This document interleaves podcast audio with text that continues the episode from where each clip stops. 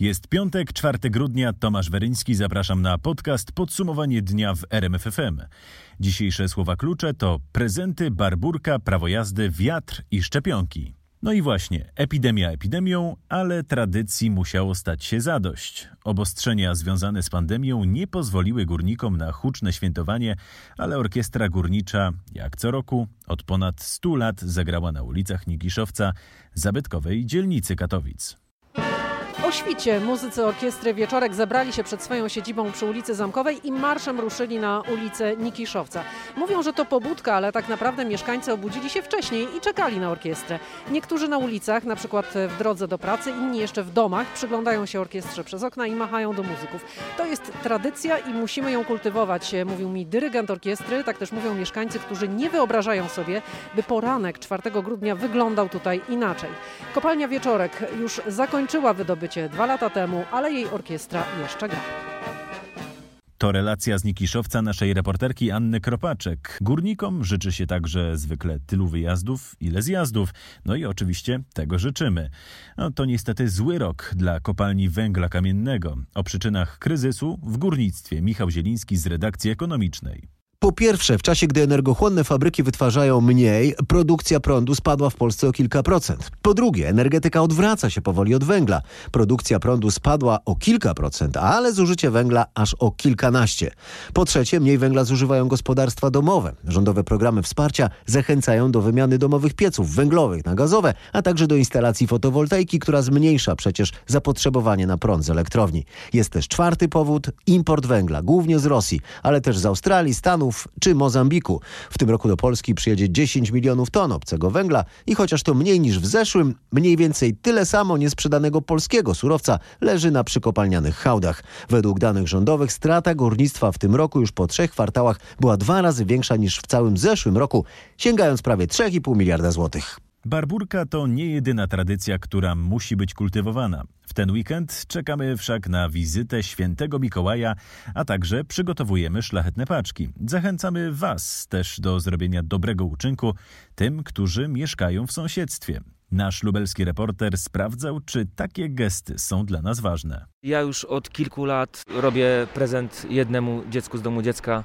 Są to najczęściej e, najpotrzebniejsze rzeczy w stylu pościel, kołdra, poduszka, ręcznik. Niestety no, taka jest rzeczywistość. W tym roku prezent mikołajowy to powinien być na przykład telefon albo mail, e, albo jakiś w ogóle kontakt, bo mam wrażenie, że jesteśmy trochę tacy y, od siebie odcięci. Co ty na to, żeby na przykład, nie wiem, sąsiadowi, osobie obcej na ulicy, no komuś po prostu, kto może tego prezentu nie dostać, coś zrobić?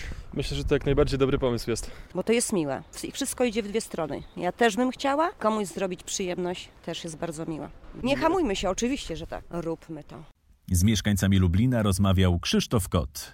A od soboty rząd sprezentował kierowcom w Polsce możliwość niewożenia ze sobą prawa jazdy. W życie wchodzi zmiana przepisów, dzięki której to, czy posiadamy aktualne uprawnienia do prowadzenia pojazdów, sprawdzać mają przez internet policjanci. Dla tych, którzy chcieliby jednak posługiwać się dokumentem elektronicznym, przygotowano aplikację M-Prawo jazdy. A po co nam elektroniczna wersja dokumentu, którego nie musimy mieć przy sobie? O tym Tomasz Skory.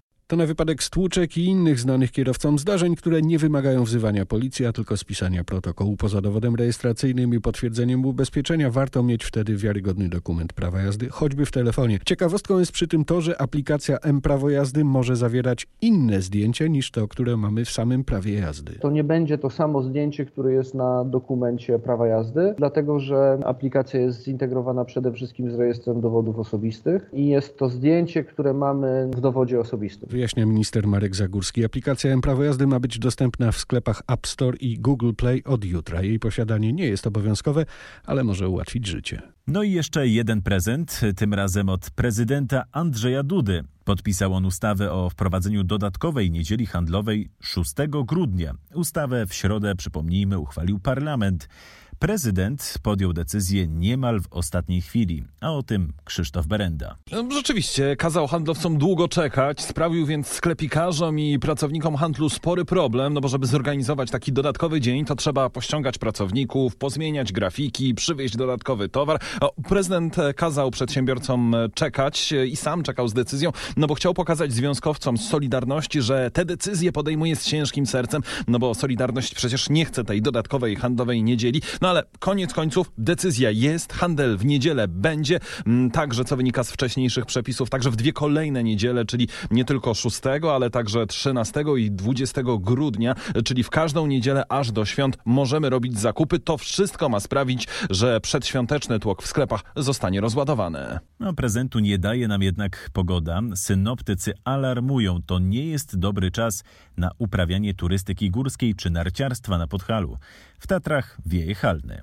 Jego prędkość w Zakopanem przekracza 60-70 km na godzinę, natomiast na Kasprowym Wierchu nawet 160.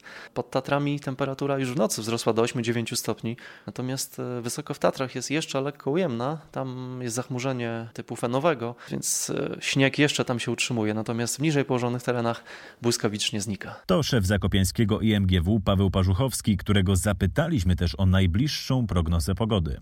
Prognozy nie przewidują większych zmian aż do niedzieli poniedziałku. Porywy wiatru halnego nadal mogą osiągać wysoko w Tatrach 160 km na godzinę, na Podhalu 80. Nadal będzie bardzo ciepło, pod Tatrami około 10 stopni. Na powrót zimy musimy zatem jeszcze trochę poczekać, a podobnie ma być w weekend w Karkonoszach na Śnieżce, informuje nasz reporter Paweł Pyclik. Goprowcy odradzają turystom wyjście w góry, szczególnie w szczytowe partie, kiedy mocno wieje, śnieg się przemieszcza. Co za tym idzie, w niektórych miejscach na szlakach będzie lód, a gdzie indziej pojawią się nawet półmetrowe zaspy. Przy mocnych porywach wiatru nasz organizm szybciej się ochładza. Można spodziewać się też zamieci śnieżnych. Niebezpiecznie może być również w niższych partiach gór. W lasach poważnym zagrożeniem są powalane przez wiatr drzewa. 13 239 zakażeń i 531 ofiar. To koronawirusowe liczby, które w piątek przekazał resort zdrowia. Jak te dane mają się do liczby wykonanych testów? Badań w kierunku koronawirusa było ponad 40,5 tysiąca. Nowych przypadków jest za to o ponad tysiąc mniej. Najwięcej zakażeń bez zmian jest na Mazowszu, w Wielkopolsce, na Śląsku i w województwie kujawsko-pomorskim. W tych czterech regionach ostatniej doby przekroczona została liczba tysiąca wykrytych infekcji. A jak ostatnie dni zmieniły stan epidemii w Polsce? I tu wskaźniki pokazują stabilizację. W ciągu ostatniego tygodnia, czyli od soboty w Polsce potwierdzono prawie 100 tysięcy zakażeń koronawirusem. Dla porównania w poprzednim tygodniu infekcji było nieco więcej, ponad 102 tysiące. W ostatnim tygodniu w Polsce zmarło ponad 2600 osób z COVID-19. W poprzednim zdecydowanie więcej, bo prawie 3,5 tysiąca. Powstanie Centralny Rejestr Szczepień przeciwko koronawirusowi. Jak ma działać taka baza? Po pierwsze, po zarejestrowaniu pozwoli kierować chętnych do konkretnych punktów na szczepienie i pilnować, kto jaką szczepionką i kiedy był szczepiony. To istotne, bo chodzi też o pilnowanie, by osoby szczepione przyjęły po trzech tygodniach drugą dawkę, bo tylko dwie dawki dadzą właściwą odporność. I trzecia, rozważana funkcja, rejestr pozwoli wygenerować dokument potwierdzenie, że dana osoba została zaszczepiona. To może być ważny dokument na rynku pracy, a więc i zachęta do szczepienia.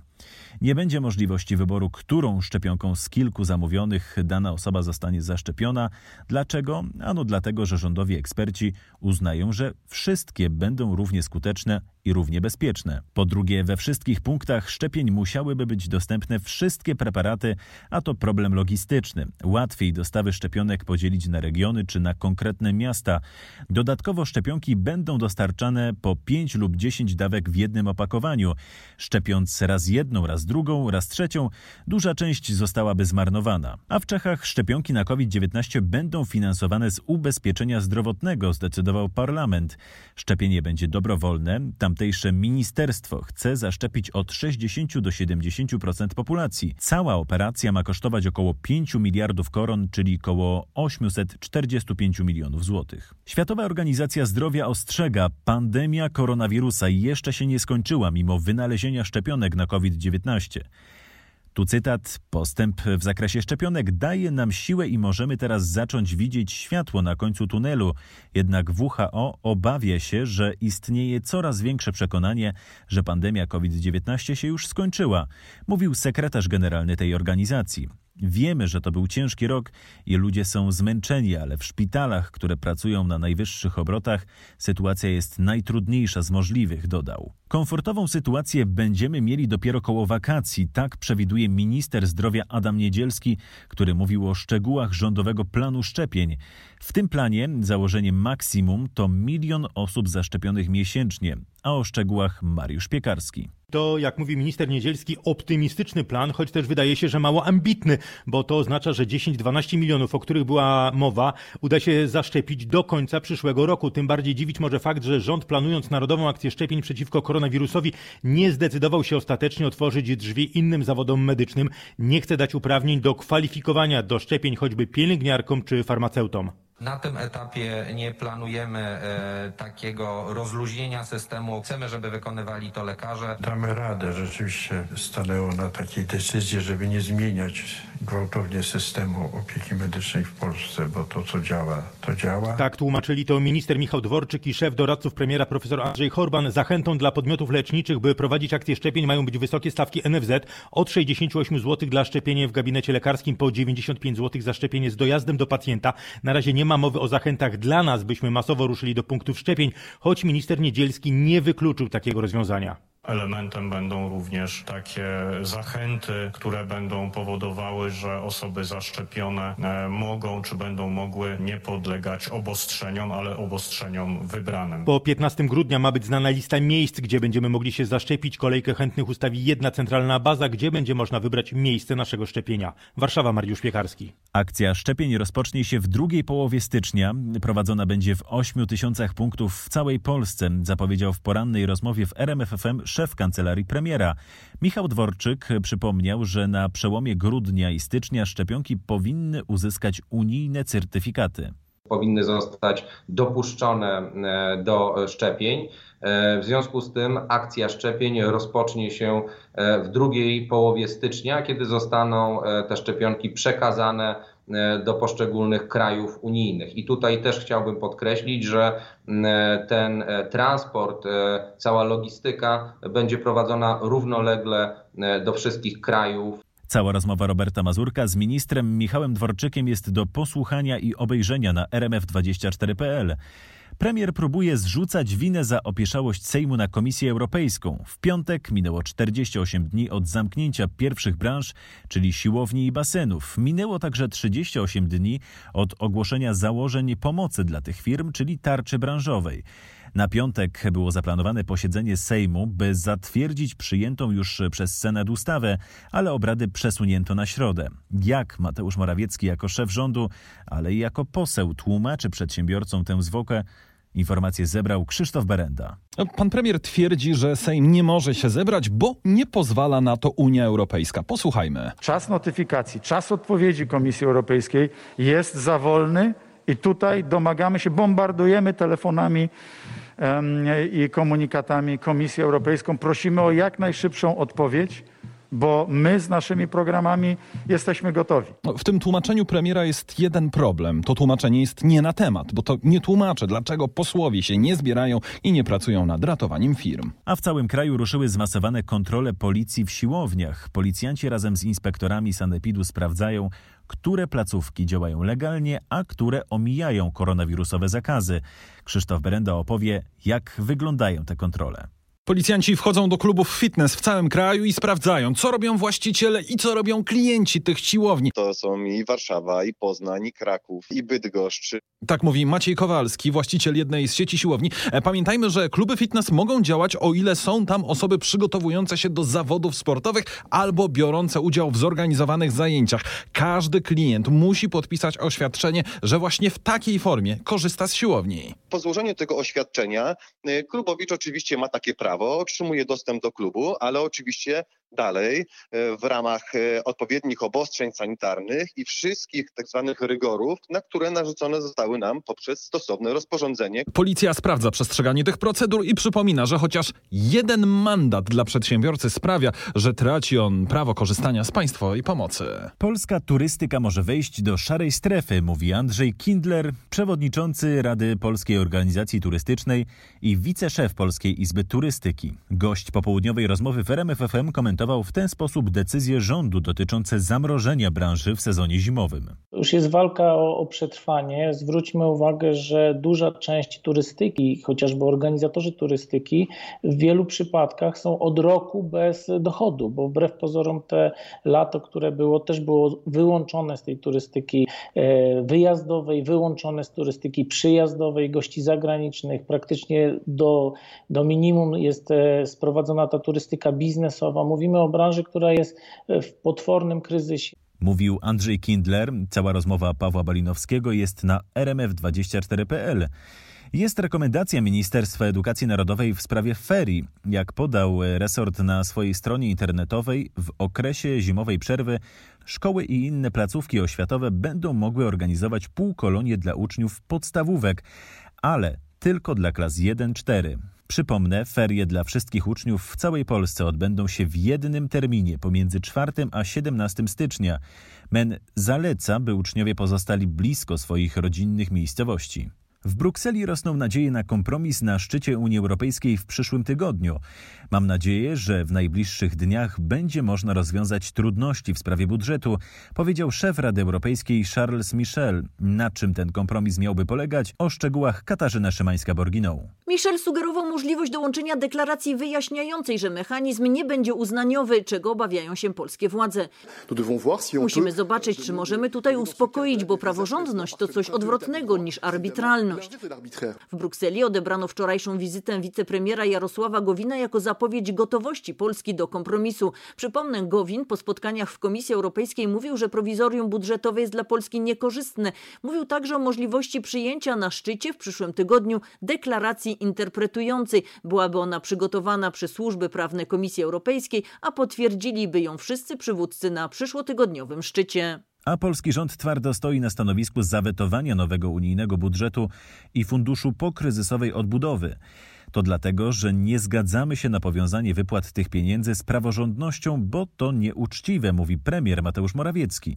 Dlatego my, troszcząc się też o przyszłość całej Unii Europejskiej, wyraźnie powiedzieliśmy naszym partnerom, że w takim kształcie, w jakim zostało zaproponowane, ono nie może być przez nas przyjęte. Szef rządu dodał, że szykuje się na to, że z powodu tego weta stracimy pieniądze. Rząd się na taką ewentualność przygotowuje, bierzemy to jak najbardziej pod uwagę. Dodał premier Morawiecki. Teraz przenosimy się za wielką wodę. Obie izby kongresu w ustawie o budżecie ochronnym zablokowały szybkie wycofanie amerykańskich wojsk z Niemiec. Projekt ustawy, który jest wynikiem negocjacji na Kapitolu polityków jednej i drugiej strony amerykańskiej sceny politycznej, stoi w sprzeczności z oczekiwaniami prezydenta Donalda Trumpa. A więcej o tym Paweł Żuchowski, nasz amerykański korespondent. Tak, i co trzeba zauważyć, dzieje się to jeszcze przed zaprzysiężeniem Joe Bidena na prezydenta. Wynika z tego jasno, że politycy na Kapitolu nie popierają pomysłu obecnego przywódcy USA i mowa tu nie tylko o demokratach, ale i republikanach. Po prostu obie partie w kongresie są przeciwne wycofaniu żołnierzy USA z Niemiec. Ta decyzja może zablokować plan wycofania około 12 tysięcy żołnierzy z Niemiec. Przypomnę, mieli oni zostać przeniesieni do innych państw, między innymi do Polski. Na razie nie wiadomo więc, co z obietnicami Donalda Trumpa składanymi sojusznikom i jak to przełoży się na wzmocnienie obecności wojskowej USA w Polsce. Na razie poznaliśmy stanowisko Berlina i tu cytat: Jak dotąd nie otrzymaliśmy żadnej informacji o redukcji liczby żołnierzy, która została ogłoszona w lipcu, więc nie mogę powiedzieć, jakie są plany lub czy w ogóle istnieją, oświadczył szef niemieckiej dyplomacji Heiko Maas, podkreślając, że żołnierze USA są w jego kraju mile widziani. Warszawa ściga się z czasem i pogodą, żeby ścieki znów nie trafiły do Wisły. Miejskie przedsiębiorstwo wodociągów i kanalizacji przedłużyło do połowy grudnia umowę z wojskiem na utrzymanie mostu pontonowego.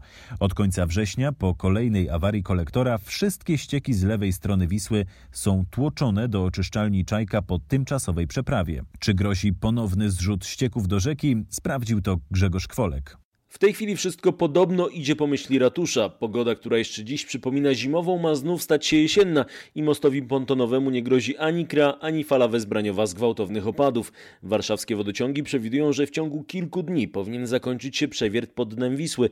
Nową stalową rurą, którą układa dla miasta inżyniera Rzeszów, mają na stałe popłynąć ścieki. Tarcza jest już na lewym brzegu Wisły i zbliża się do komory wylotowej. Po dokończeniu przewiertu będzie można przełączyć przesył ścieków z pontonu na nową rurę. Do sądu apelacyjnego w Gdańsku wpłynęła apelacja do wyroku w sprawie Amber Gold. W październiku 2019 roku Sąd Okręgowy w Gdańsku skazał Marcina i Katarzynę P., twórców piramidy finansowej, na kary odpowiednio 15 oraz 12,5 roku więzienia. Od tego wyroku apelują zarówno obrońcy, jak i prokuratura. A kiedy możliwe jest rozpoczęcie procesu odwoławczego? O tym nasz reporter Kuba Kaługa. Nie jest możliwe podanie nawet przybliżonego terminu, ale z uwagi na obszerność sprawy na pewno nie nastąpi to prędko. Konieczne jest przeliczenie akt, poddanie ich dezynfekcji oraz zarejestrowanie sprawy w systemie, tłumaczyła mi Joanna Organiak z Sądu Apelacyjnego w Gdańsku. Później zostanie wylosowany główny sędzia w tej sprawie. Docelowo zajmie się nią trzyosobowy skład. Do Sądu Apelacyjnego trafiła zresztą tylko najważniejsza część niezwykle obszernych akt sprawy, bo nie ma nawet warunków do przechowywania całości. Klienci Amber Gold z kolei wkrótce mają doczekać się wypłat swoich wierzytelności zgłoszonych w postępowaniu upadłościowym. Będą mogli liczyć na mniej więcej 10% zainwestowanych środków. Na trzy miesiące trafił do aresztu 48-latek podejrzany o usiłowanie rozboju na 90-letnim właścicielu zakładu krawieckiego z Łodzi. Napastnik był już wcześniej karany, m.in. za kradzież i rozbój, mówi Krzysztof Kopania z prokuratury okręgowej w Łodzi. Przyznał się do zarzutu, potwierdził, że po raz pierwszy był w zakładzie rano, Dostał wówczas 2 złote na papierosy. Wtedy też zorientował się, że 90-latek ma pieniądze. Postanowił wrócić i napaść na starszego mężczyznę. Nóż, którym się posługiwał, zabrał z sobą z domu. Wcześniej raz bądź dwa razy korzystał z usług krawca. Zamieszkiwał w pobliżu. Mężczyźnie za usiłowanie rozboju grozi do 15 lat więzienia. Polska będzie gospodarzem ostatniego lutowego turnieju kwalifikacyjnego grupy A do Eurobasketu, dowiedział się Wojciech Marczyk z redakcji sportowej RMFFM. Decyzja zapadła w czasie spotkania Międzynarodowej Federacji Koszykówki, a gdzie dokładnie odbędzie się turniej? Ostatni turniej kwalifikacyjny Grupy A do Mistrzostw Europy zostanie rozegrany w arenie Gliwice. Biało-czerwoni zmierzą się wtedy z mistrzami świata Hiszpanami oraz Rumunią. Rozegrane zostaną także pozostałe spotkania naszej grupy. Z powodu trwającej pandemii koronawirusa FIBA zmieniła sposób rozgrywania meczów kwalifikacyjnych do przyszłorocznego Eurobasketu. Zamiast tradycyjnych spotkań u siebie i na wyjeździe, mecze rozgrywane są w tak zwanych bańkach, czyli w formie zamkniętych turniejów. Polska po czterech spotkaniach zajmuje drugie miejsce w tabeli swojej grupy i jest o krok od awansu na Mistrzostwa Europy. Do 27 grudnia metropolita łódzki przedłużył wiernym dyspensę od obowiązku uczestnictwa we mszy świętej. To znaczy, że w święta Bożego Narodzenia wierni nie muszą przychodzić na nabożeństwa. Nieobecność nie będzie grzechem. Dyspensa została przedłużona ze względu na pandemię koronawirusa i ciągły wzrost zachorowań. Chodzi też o coraz większą liczbę osób przebywających w domach ze względu na kwarantannę. Równocześnie arcybiskup Grzegorz Ryś zachęca do udziału we mszach w dni powszednie z zachowaniem wszelkich zasad bezpieczeństwa i do uczestniczenia w nabożeństwach transmitowanych przez media. Zwolnienie z obowiązku dotyczy wiernych archidiecezji łódzkiej i osób przebywających na jej terenie. Te informacje ważne dla wierzących zebrała Magdalena Greinert. A w ten weekend na Podhalu otwartych zostanie kilka wyciągów narciarskich. Policja, przypomnijmy, rusza razem z Sanepidem do kontrolowania m.in. przestrzegania obostrzeń na stokach. Obowiązek zapewnienia tego bezpieczeństwa na stoku spoczywa